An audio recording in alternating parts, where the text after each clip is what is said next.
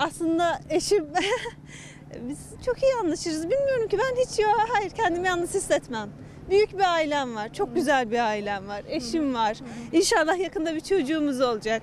Herkes öyle değil. Yalnızlık araştırmasına göre İstanbul'da özellikle gençlerin yarısı yalnız. E, Zaman zaman kendinizi yalnız hissettiğiniz oluyor mu? Yani bilmem e, oluyor işte zaman zaman. Geçer bir şey olmaz.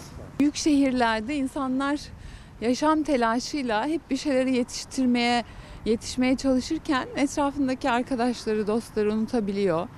Bir süre sonra da maalesef bağlar kopuyor ve yalnız kalıyorsunuz. Şimdi yalnızlık bitmiş oldu. Çözmeye çalışıyoruz. Tabii ki yetmiyor insanın çocuğu. Bir arkadaş, bir dost lazım çünkü Anneciğim yalnız değilsin ben varım. Araştırmayı özel bir üniversitenin sosyoloji bölümü yaptı. İstanbul'un 39 ilçesinde 18-55 yaş arası 1300 kişiye yalnız mısınız diye soruldu. Sonuç oldukça çarpıcı çıktı. Büyük şehrin en büyük sorunlarından biri insanların içinde kalabalıkta kendinizi yalnız hissetmek. Yalnızlıkla ilgili yapılan araştırma sonucunda insanların yarısından fazlasının kendini çoğunlukla yalnız hissettiği ortaya çıktı. Üstelik gençler yalnızlık duygusunu daha yoğun yaşıyor.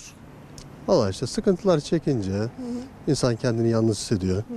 Ama dostlarla, arkadaşlarla bir araya gelip konuştuğu zaman o yalnızlıklar geçiyor. Araştırma raporu farklı yaş, cinsiyet, eğitimle sosyoekonomik sınıfa ait bireylerin yalnızlık algısına göre düzenlendi.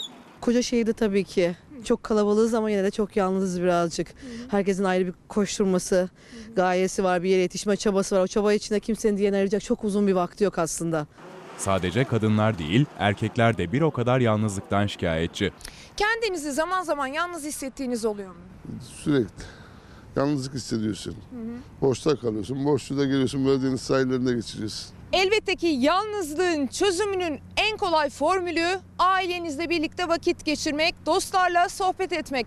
Onlar da yok diyorsanız atın kendinizi dışarı. İsterseniz sahil kenarında balık tutun, isterseniz sporla yürüyüş yapın, birileriyle iç içe yaşayın. Bazen yani yanımda biriyle olsam bile yalnız hisse- hissettiğim oluyor. Hani kalabalık olsam bile tek gibi hissediyorum. Onun için kendimi spor atıyorum bana. Yalnız hissettiğim zaman koşuya veriyorum kendimi.